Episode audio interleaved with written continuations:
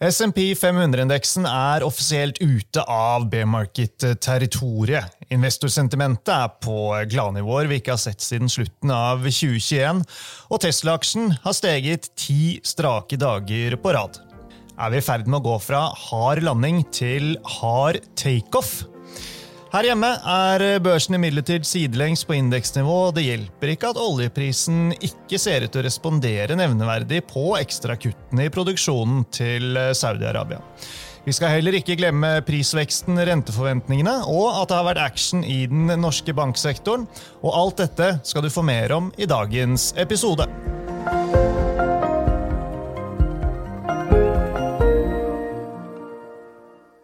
Velkommen til Utbytte, DNB-podkasten der vi forklarer hva som skjer i den globale økonomien og finansmarkedene. Jeg er Marius Brun Haugen, og med meg har jeg aksjestrateg Paul Harper. Hei, Paul. Hei, Marius. Ja, når vi sitter her i studio, er det fredag 9. juni. Klokken har passert tolv, og både aksjer, den amerikanske tiårsrenten og oljeprisen har sånn alt i alt gått ganske sidelengs denne uken.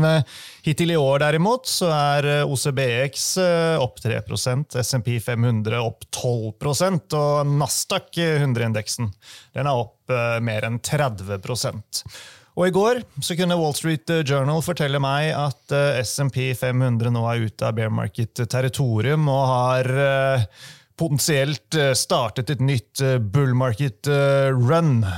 Dette refererer da til at indeksen nå er oppe over 20% fra bunnen i oktober i fjor. Så spørsmålet er da, Paul, er vi i ferd med å gå fra en situasjon med hard landing som et veldig reelt scenario, til at mange begynner å tro på det motsatte? Altså en hard takeoff istedenfor? Altså jeg tror liksom Forventninger rundt at det kan bli en myk landing, i hvert fall har blitt eh, noe mer plausibelt, hvis vi ser på hvordan konsensusestimater for BNP i USA har utviklet seg for 2023. Så begynte de året på 0,3% og er nå rundt 1,1, så ikke noe type boom akkurat, men klart bedre enn det vi egentlig forventet i starten av året. Så det har vært en forbedring. Og som alltid med aksjemarkedet så er det alltid endringen som er det som er viktig, ikke nivået. Så det er mye bedre å gå fra dårlig til bedre heller enn å gå fra bra til ikke helt så bra. Så, så, akkurat det trekker kan du si, i en positiv retning. Men du var jo inne på noe når du snakket om de forskjellige indeksavkastningene hittil i år. Da når du har Oslo Børs opp 3% og Nasdaq opp 32% så illustrerer det egentlig et ganske viktig poeng at det har ikke vært så voldsomt mye bredde i oppgangen vi ser i, i USA. Så du kan si at det er et, et bullmarked i amerikanske aksjer, men det er egentlig et bullmarked i megacap tech-aksjer, heller enn at du kan kanskje si at det gjelder for det brede aksjemarkedet. Så Det er jo selvfølgelig sånne type ting, om det er nøyaktig 20% eller ikke, har vel kanskje egentlig ikke så voldsomt mye å si. Men man må liksom se litt nærmere på detaljene her før man kan egentlig konkludere så voldsomt mye, tror jeg. Ja da.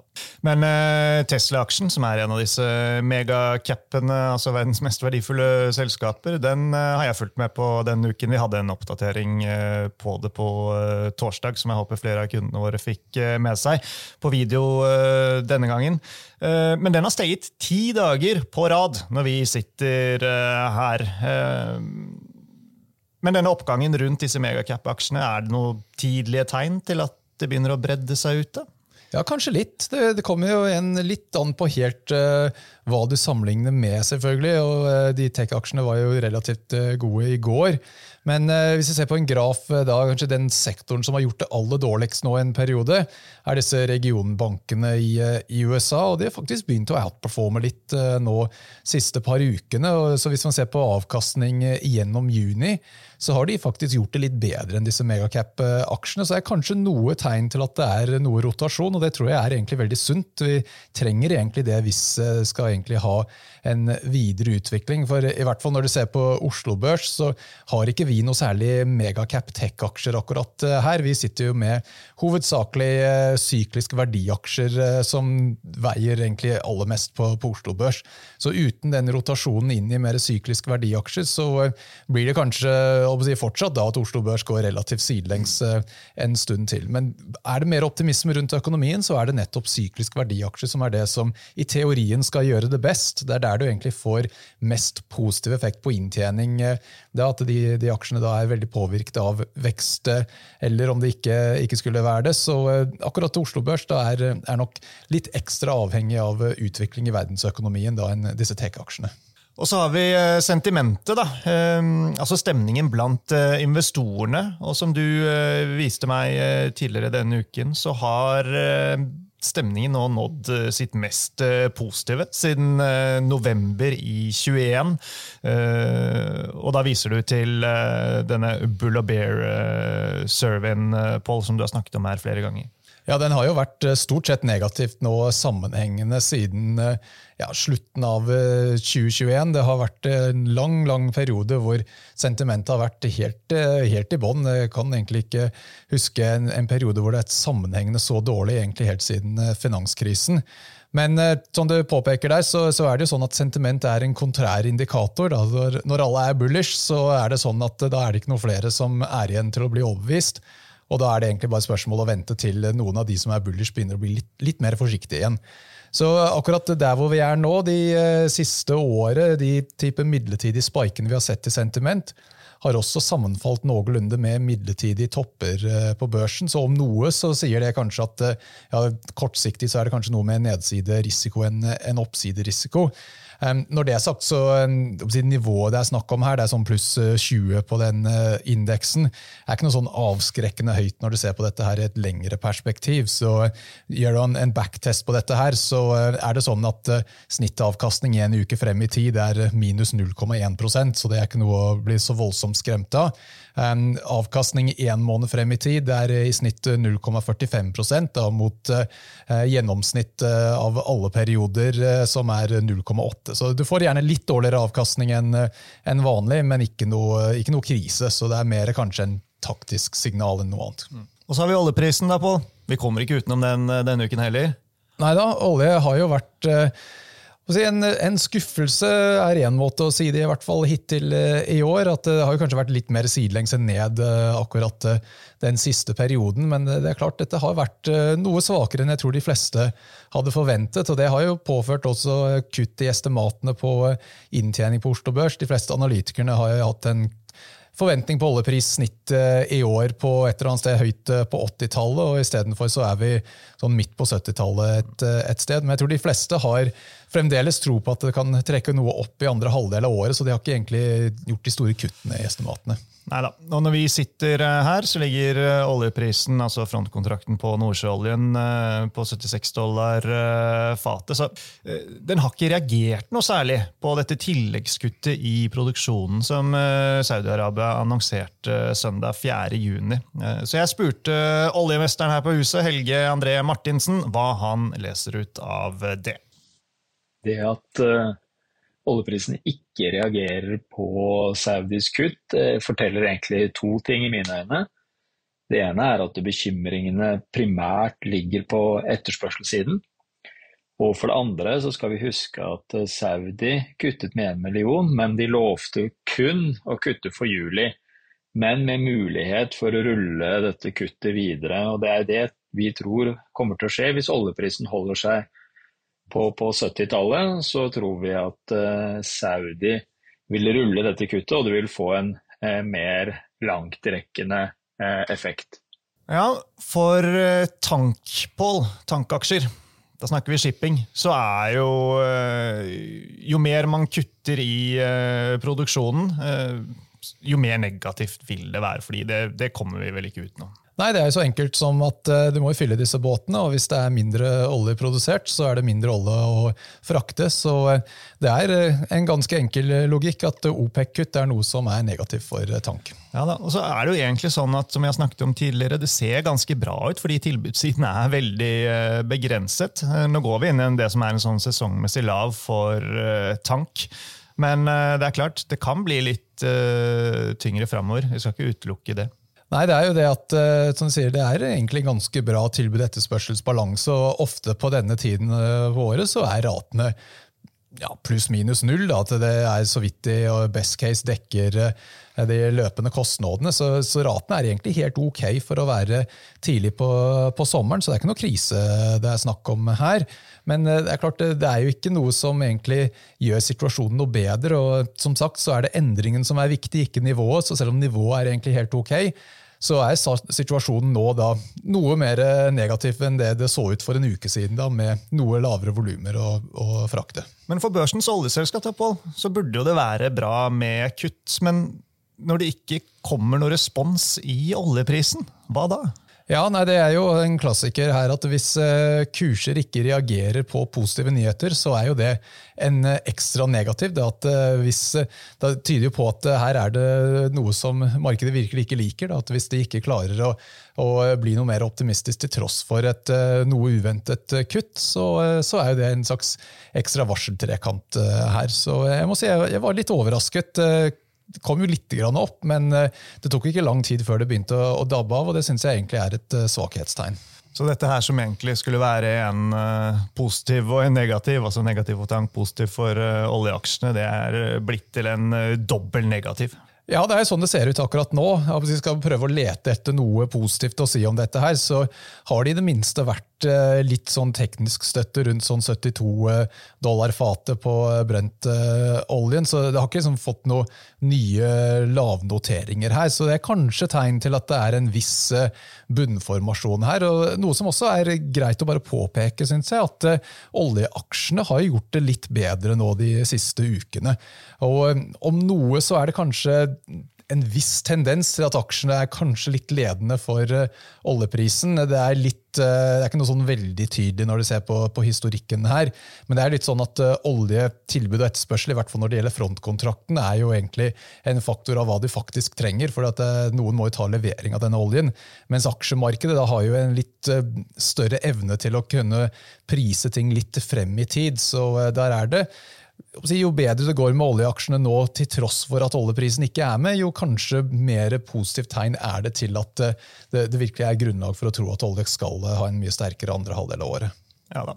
Og jeg uh, spurte Helge André om uh, hvor solid han vurderer uh, etterspørselssiden etter olje nå, og også i hvilken grad han tror OPEC og Saudi-Arabia vil være villige til å kutte enda mer produksjon for å forsvare en oljepris på over 70-75 dollar fatet.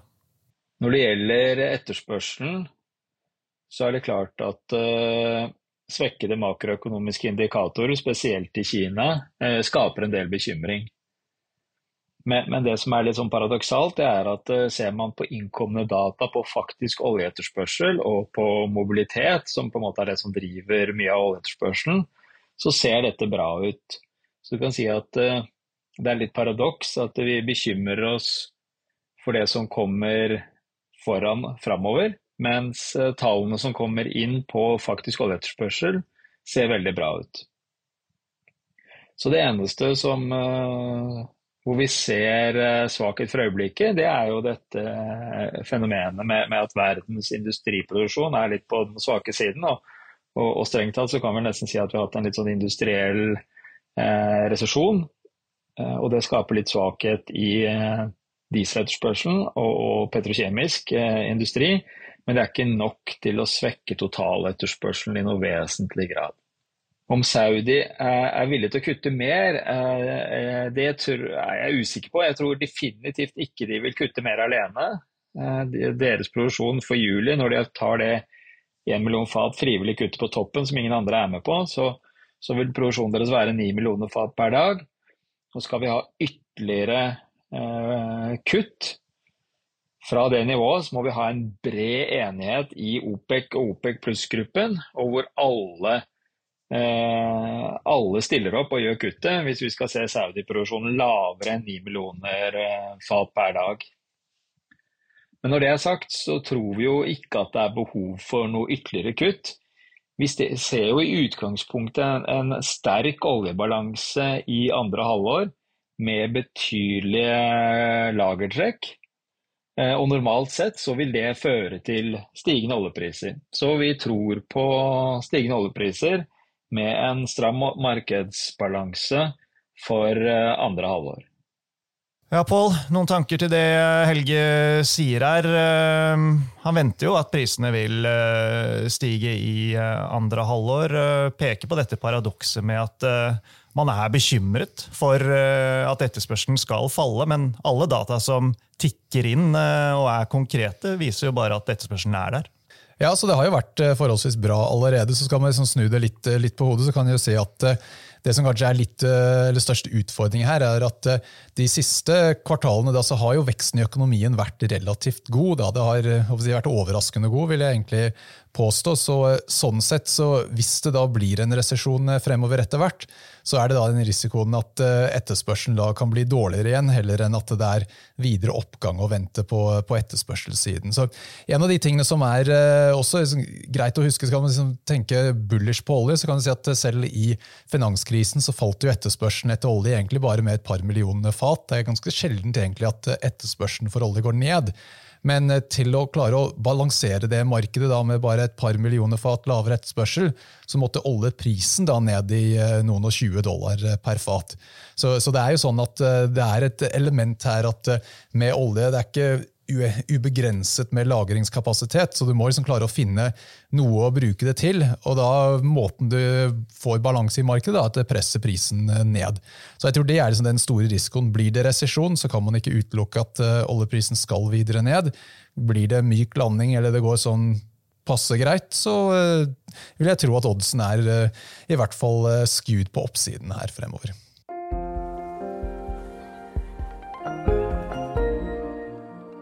Vi må innom eh, rentene i dag eh, også, Pål. Eh, hvis man ser på utviklingen i tiårsrenten både Norge, USA og Storbritannia siste måned, så har det gått oppover. Men kan ikke du fylle oss litt inn på sånn generelt? Altså, hva, hva skjer med renteforventningene? Ja, så Det er jo det som uh, henger litt med at uh, forventning til økonomien har egentlig da kanskje blitt uh, litt sterkere den siste tiden. Men det gjør at det er noe vanskeligere å få inflasjonen ned også. Så da har det blitt til at markedet måttet prise opp renteforventningene en runde til her. Så jeg vil påstå at egentlig så er ikke markedet noe spesielt haukete, ser vi på hvor Fed Funds Futures-kurven ligger så er det sånn omtrent eh, på linje med den dot-plotten, eller de eh, estimatene som Fed-medlemmene selv har eh, kommet med. Så det er ganske likt egentlig gjennom i år og starten av neste år. Og så når du begynner å komme deg inn mot midten av neste år og etter det, så ligger den terminkurven noe under dot-plotten. Så for at rentene skal gå noe ned herfra, så trenger du egentlig da en svakere utvikling i, i økonomien, eller i hvert fall svakere enn det Fed forventer. Og skulle det bli en eh, sterkere utvikling, at det, det ikke blir noe, noe, noe softpatch eh, i det hele tatt, så er det heller da kanskje noe oppside på, eh, på, renten som man skal være forberedt på. Så akkurat nå så priser markedet inn da begrenset sannsynlighet for renteøkning neste uke i Fed-møtet. Sånn type 25% sannsynlighet er det som du kan beregne ut av terminprisene. Hvis du ser på frem til juli, da, hvis du summerer opp sannsynligheten for at enten juni eller juli, så kommer det opp i sånn type 80% sannsynlighet for én renteøkning til. Så det strammer seg litt til her, og det som er kanskje mest viktig for aksjemarkedet, er at det som egentlig justeres opp her, er den realrenten. Så inflasjonsforventning har egentlig holdt seg ganske stabilt, men markedet egentlig sier at du trenger en høyere realrente til å oppnå den inflasjonen som de håper å, å få til her. Og høyere realrente det er liksom det som egentlig slår på prising. Så eh, Noe av grunnen til at vi ikke har sett noe spesielt eh, voldsom eh, avkastning på verken norske aksjer eller nordiske aksjer de siste to-tre månedene, er nettopp det at realrenten har kommet opp, som presser PM-multippelen noe ned. Så i USA så har de da hatt disse vekstaksjene som har klart seg bra, men det er også egentlig da litt rart, når vanligvis så burde jo de egentlig merke den oppgangen i renter ja, i større grad enn de har gjort. Mm. På makrosiden så uh, fikk vi uh, ISM for tjenestesektoren i starten av uken. Dette er altså innkjøpssjefenes forventninger. Um, det var litt svakere enn ventet, var det ikke det? Ja da, det var det. Og når vi ser det på de siste sånn tolv månedene, så er det egentlig i et slags fallende trend her. Det var ikke sånn at det var en sånn voldsom outlier. For det var i da, jeg tror det var desember, hvis jeg husker riktig, så var det et voldsomt fall, og så spratt det rett opp igjen. Så det virker som det var kanskje en måned måneder hvor det bare var rett og slett litt uh, merkelige svar på surveyen. Så det var uh, litt uh, si, utenom trenden. Men nå er vi på et slags tilsvarende nivå som det var da. Men nå er det liksom mye mer i tråd med, med trenden. Så det er klart at det, det er noe svakere vekst fremover. Og eh, Det er det store spørsmålet. Da er det sånn at eh, vi allerede nå begynner å nærme oss et punkt hvor det liksom flater ut, og så skal begynne å akselerere igjen? Eller er det noe som bare, at den svake trenden kan fortsette en stund til, og at vi må eventuelt begynne å justere forventning til veksten ned igjen? Men hvis vi ser eh, her hjemme og går til prisveksten, for det fikk vi nemlig tall for uh, tidligere i dag. Det er altså fredag 9. juni når vi uh, sitter her. Og den norske prisveksten den viser ingen tegn til å bremse. 6,7 viste uh, tallene fra Statistisk sentralbyrå som kom tidligere i dag. På kjerneinflasjonen. Mye høyere enn det Norges Bank ventet. Drevet av fly, mat, husleier og en svak krone, var vel det jeg leste, sånn kort oppsummert. og her på huset så har uh, Kyrre Omdal, som vi har hørt i podkasten flere ganger den siste tiden, som er en av makroøkonomene våre, løftet uh, forventningene til renten. Tror det blir en heving på en halving, altså 50 basispunkter 22.6, og ser renten helt opp i 4,25 Og det er mulig jeg tar feil, altså mot 4 tidligere, da, for å ta med det. Så er det mulig jeg tar feil, Pål, men nå er jeg ganske sikker på at det blir tøft for den norske konsumenten til høsten og vinteren. Jeg, jeg, jeg kan ikke skjønne noe annet, eh, selv om vi ser at boligpriser tydeligvis lever eh, sitt eget liv, og restaurantene fortsatt er fulle, og Norwegian melder om stadig, stadig bedre trøkk i sommerbookingen, så eh, kommer det til å stramme seg inn til høsten nå når du får disse enda mer renteøkninger sammen med strømpris, økte matpriser osv. Jeg, jeg klarer ikke å skjønne noe annet. Ja, Man skulle i hvert fall eh, tro det. Noe av kanskje grunnen til at det har gått såpass greit hittil, er at det er kanskje noe oppsparte midler fremdeles etter pandemien. Så det er sånn at det man ikke eller I den lockdown-perioden da, så hadde man ikke mulighet til å bruke penger, så det er fortsatt da en viss eh, sånn pent-up demand for tjenester, i hvert fall. Når det gjelder selve med sånn konsumvarer, så tror jeg de fleste fikk kjøpt eh, det de skulle ha i flere år av eh, sykler og telt og kanoer og hva det skulle være. Men når det gjelder selve tjenester, så, så er det der kanskje det fortsatt er litt catch-up fremdeles. Og det som er litt skummelt, er at tjenestesektoren er gjerne der der hvor eh, du har sterke sammenheng med lønnsutvikling. Da. De fleste tjenester er eh, lønn eh, den største kostnadsposten, da, i motsetning til varer hvor det gjerne kan være de type innsatsfaktorene, om det er råvarer av noe slag. Men i hvert fall den type sammenhengen da med etterspørsel for tjenester og, og inflasjon er da noe, noe, sterkere, så det kan gjøre at uh, inflasjonspresset muligens holder seg høyt uh, noe lenger enn man ellers skulle tro. Det er kanskje det som egentlig har skjedd en stund allerede. Men jeg mistenker også da at uh, i Norge så har det, vi har liksom hatt det så bra her nå i, i lang tid det, og da tenker jeg, Vi har liksom ikke hatt egentlig noe sånn ordentlig resesjon eh, hvor det har vært tungt på, på, lenge. Det var litt i finanskrisen, men ikke noe sånn veldig alvorlig her sammenlignet med andre steder. At uh, Vi har rett og slett ikke hatt en periode hvor folk har liksom virkelig hatt det tøft. Og Da blir det heller ikke det at man har liksom lært at man skal ha en viss buffer til å motstå litt vanskeligere tider. Så jeg lurer litt på om det er mange som egentlig bruke penger til de ikke har noe igjen på kontoen, heller enn å tenke at uh, nå er det ikke så mye igjen, så nå burde jeg begynne å uh, holde litt uh, tilbake. Så mulig dette her egentlig holder seg til de ikke holder, og så er det plutselig bråstopp. Ja, nei, jeg tror vi snart får ta en uh, ny episode med makroøkonomene våre, hvor vi konsentrerer oss uh, fullt og helt om norsk uh, økonomi. Men en annen ting det er jo hva dette med stadig høyere renter og prisvekst osv. betyr for bankaksjene, de norske bankaksjene. Så jeg tok en prat med bankanalytikeren vår, Håkon Astrup, om hva som er priset inn av kommende rentehevinger ser vi på de norske bankene og prisingen der, så er jo ikke den veldig høy. Eh, de handler på rundt åtte ganger neste års inntjening. Så det er under historisk snitt. Som andre ord så er det jo priset i ganske mye usikkerhet. Dette er både knyttet til rentesiden, men også tapssiden. Og det er jo, som vi har sett, så er jo høyere renter er jo positivt for, for bankenes inntjening. Så eh, ser vi på hvordan bankene er priset nå, så vil jeg ikke si at det er priset inn så fryktelig mye høyere renter. Det er i hvert fall priset inn usikkerhet, enten på tapssiden eller andre type, type ting. Så det er ikke priset inn veldig mye positivitet i norske banker i dag, eh, mener jeg. Verken på rentesiden, eh, og det er mer priset inn da mer, mer usikkerhet. Da. Så det tenker vi er en, er en mulighet. Ja, Pål. Eh, er det ikke bare å kjøpe norske bankaksjer da, når de er priset med rabatt til sitt historiske snitt? Ja, så jeg tror det er, Hvis man har en forventning at økonomien skal klare seg relativt greit, så tror jeg bank er kanskje liksom den mest obvious eh, kandidaten. For at det, som vi nevnte tidligere, syklisk verdi altså det er de type aksjene som gjerne gjør det best når det er eh, bra utvikling i, i økonomien, og bank kommer absolutt i den kategorien. Så det er lave multipler, hatt positiv utvikling i estimatene nå eh, en god stund. Og hvis økonomien holder seg relativt bra, så blir det ikke noe særlig rentekutt på en stund, og eventuelt mulig ekstra renteøkninger. Pluss det som er kanskje aller viktigst, er at det blir eh, begrenset lånetap en stund til. Og Det er jo da positivt for bankinntjening, og når multiplene er lave, da, eh, er det sånn rundt åtte ganger PE f.eks., så er det ikke en sånn veldig stor stretch å tenke åtte kan kanskje bli ni, eller muligens ti.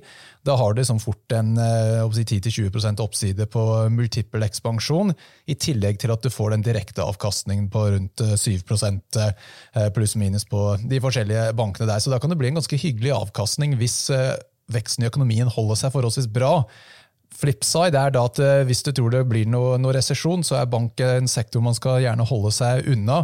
Nettopp fordi at da blir de lånetapene noe som eh, ødelegger inntjeningen. Så jeg tror eh, jo bedre det går i bank, jo, jo bedre er det egentlig for, som tegn for markedet generelt.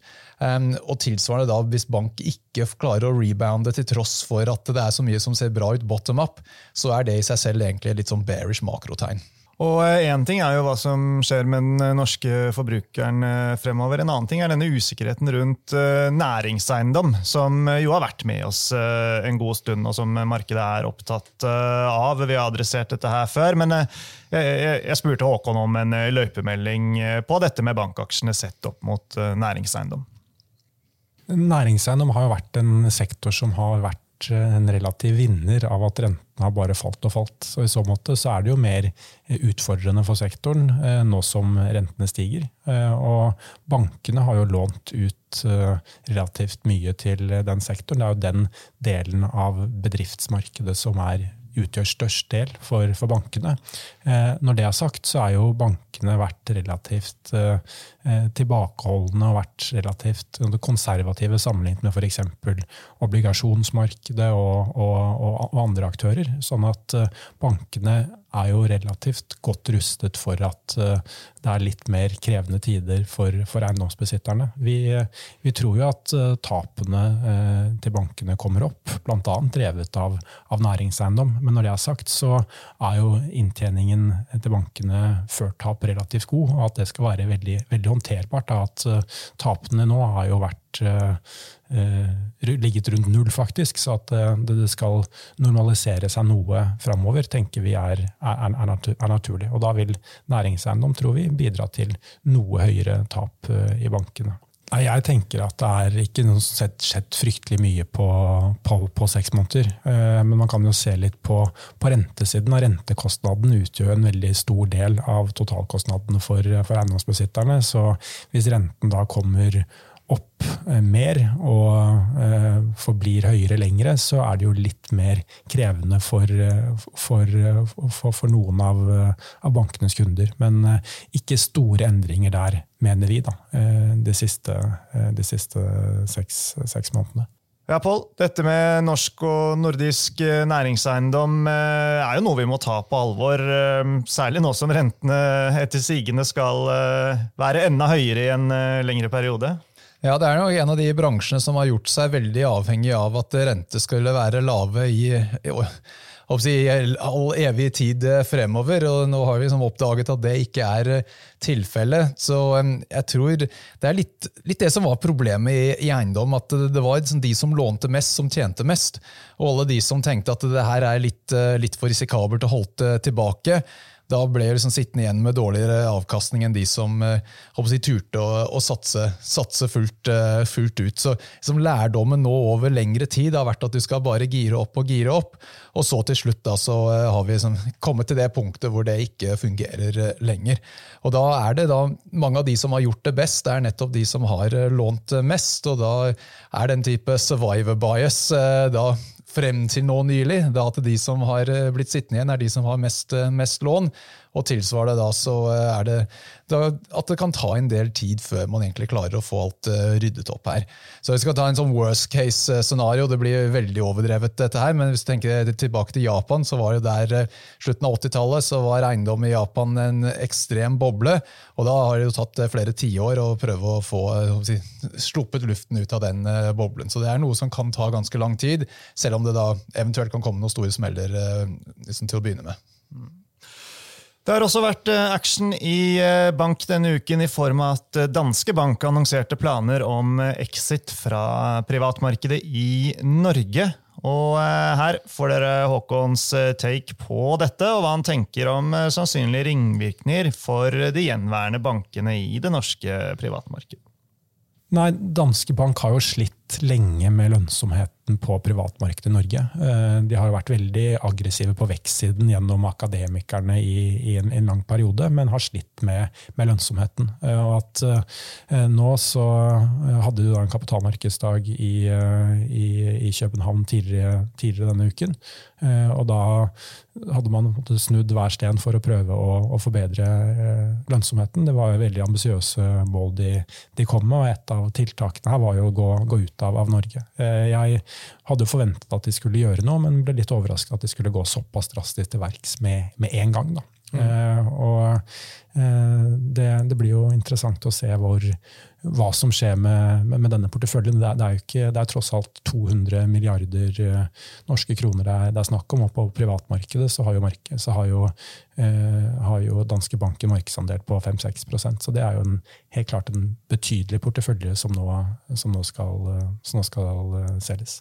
Nei, jeg tror jo at uh, det er jo det er ofte sånn når det blir eh, konsolidering, så, så, så skaper det jo både muligheter for, for, andre banker. og Enten er den som da ender opp med eller de som ender opp med å, å, kjøpe, de vil jo få en større markedsandel. Og så er det jo da de andre bankene som da ikke er med på transaksjonen heller, de har også mulighet for å, for for å plukke opp litt misfornøyde kunder underveis. Da. Så jeg tror at for, for norske banker som helhet så er jo dette positivt. Det viser jo også at eh, det er jo, ikke, det er jo krevende å, å, ha veldig lave priser en, en lang periode.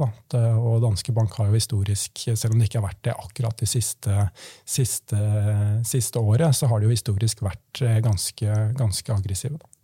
Det er jo mange eh, som har lyst til å, å vokse i norske bankmarkedet, men dette er jo en stor portefølje. Det er slik at eh, det må jo være en, Hvis noen skal kjøpe alt, eh, så må det være en stor aktør. Eh, og da tenker jeg at eh, Nordea, Handelsbanken kanskje er de som er mest, mest naturlige. Eh, skulle jeg gjette på én, så hadde det vært Handelsbanken. Men så er det jo også mulig at denne porteføljen kan splittes litt opp. Da, for du har jo to to hoveddeler her. Den, den, den, aller største delen, som utgjør ca. 70% det er jo akademikerne. På, og det er rundt 140 millioner, milliarder. Eh, I hvert fall er det det som det blir referert til i aviser og andre ting. Eh, og så er det jo da det resterende ca. 60 milliarder, som da ikke er akademikerne. Og det kan jo hende at uh, den kan splittes opp, slik at uh, noen uh, stikker unna med bare akademikerne, mens da en annen stikker av med bare det som er som ikke er akademikerne. Og da er det jo flere som kan henge seg på. Da. og for eksempel Eh, Sparebank1-bankene, enten sammen eller SR Bank som, som den største. Så, så, så da, da, er det flere, flere muligheter. Da. Men hvis én skal ta alt, så må det jo være en, eh, en relativt stor bank. Da, og da er det Handelsbanken, Nordea, kanskje, kanskje Sparebank1-bankene sammen, selv om jeg tror at det kan bli litt, litt, litt for stort. da. Ja, Pål. Konsolidering det er uh, ofte bra, det. Uansett hvilken uh, sektor uh, det skjer i. men ikke nødvendigvis så bra for, for brukerne, da. Men vi får la det ligge nå. Vi har kommet til veis ende, så jeg tenkte avslutningsvis så kan du oppsummere veien videre for aksjer. Ja, nei, Du spurte meg dette forrige uke også. Det er ikke så voldsomt mye nytt, må jeg innrømme. så Det blir litt... Det er egentlig, det er egentlig bra. Ja, så du kan si Om det er noe, da, så eh, kan du si at eh, ja, det har vært eh, enkelte makrotall som har vært litt dårligere enn ventet. Samtidig som du har et sentiment som da har blitt vesentlig bedre. Så begge de to er ting som egentlig trekker litt negativt, sett for en sånn type risk reward perspektiv. Da at eh, Frem til nå så har vi kunnet eh, si at eh, ja, vi, jeg syns fundamentale faktorene ser ganske negative ut, men når sentimentet er såpass bearish, så skal det mye til at markedet faller. Nå er ikke sentiment like bearish lenger, så da er det kanskje noe mer plausibelt at det er mulighet til å overraske på nedsiden her. At det er ikke alle sammen som egentlig nå forventer at ting skal gå i veggen når som helst. Så en liten negativ, men som vi sa, liksom den sentiment på det nivået det er nå, det er mye høyere enn det har vært de siste 18 månedene, men eh, det er ikke sånn veldig høyt i et eh, historisk perspektiv. Så sånn Rent taktisk så vil jeg si ja, kanskje være litt, litt mer forsiktig nå uh, ut ifra sentiment, men det er ikke så voldsomt mye som endrer liksom det big picture her. og Det er den store utfordringen at vi syns markedet ikke er priset noe spesielt attraktivt når du tar med i beregningen at marginer er langt over historisk snitt. Så det egentlig sier at uh, nå skal vi ha en lengre periode hvor inntjening er noe dårligere. hvis dette Eh, normaliseres over tid. Risikoen er selvfølgelig da blir det en resesjon, så kan det normaliseres veldig fort. Og da får du en eh, ganske kraftig nedgang eh, i inntjening. Så med den si, overhengende risikoen der, så syns vi ikke prising er noe spesielt attraktiv. Men fremdeles så trenger man en eller annen catalyst eller trigger for at det skal slå ut. Prising alene er sjeldent nok. Noe som er dyrt, kan bli dyrt lenge, og tilsvarende noe som er billig, kan være billig lenge. Så det trenger sånn den kombinasjonen av et dyrt marked og en trigger. Akkurat nå så er det ikke noe sånn veldig overbevisende trigger, og jeg tror du egentlig trenger noe tegn til at det er en resesjon som er på vei, noe som kan liksom tvinge inntjeningen vesentlig ned, før du egentlig får en ordentlig reaksjon. Men kanskje da de eh, ISM-indeksen som du nevnte, jobless claims var litt høyere enn eh, ventet eh, denne uken, så kanskje det er starten på noe, men jeg, jeg hadde ikke lagt altfor mye i potten at det var liksom denne uken det snudde. Ok, Pål. Tusen takk for uh, at du var uh, med. Vi satser på å komme tilbake uh, neste uke også, vi. og sist, men ikke minst, tusen takk, folkens, til alle dere som fulgte med.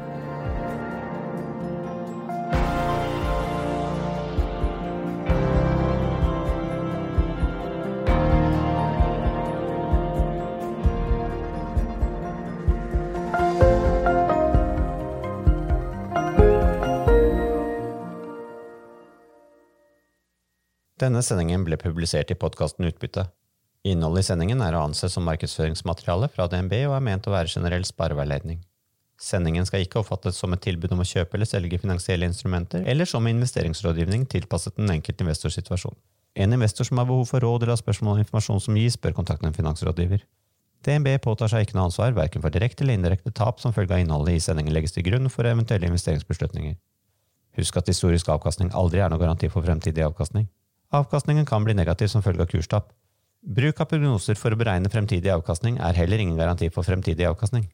Innholdet i sendingen bygger på informasjon fra offentlig tilgjengelige kilder som DNB ser på som pålitelige, men som ikke er uavhengig verifisert. Følgelig gir DNB ingen garanti i forhold til nøyaktighet og fullstendighet.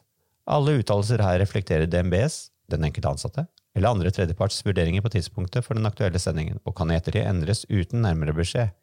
Ytterligere informasjon om bl.a. kildebruk og interessekonflikter er tilgjengelig på dnb.no skråstrek invest, bindestrek disklemer.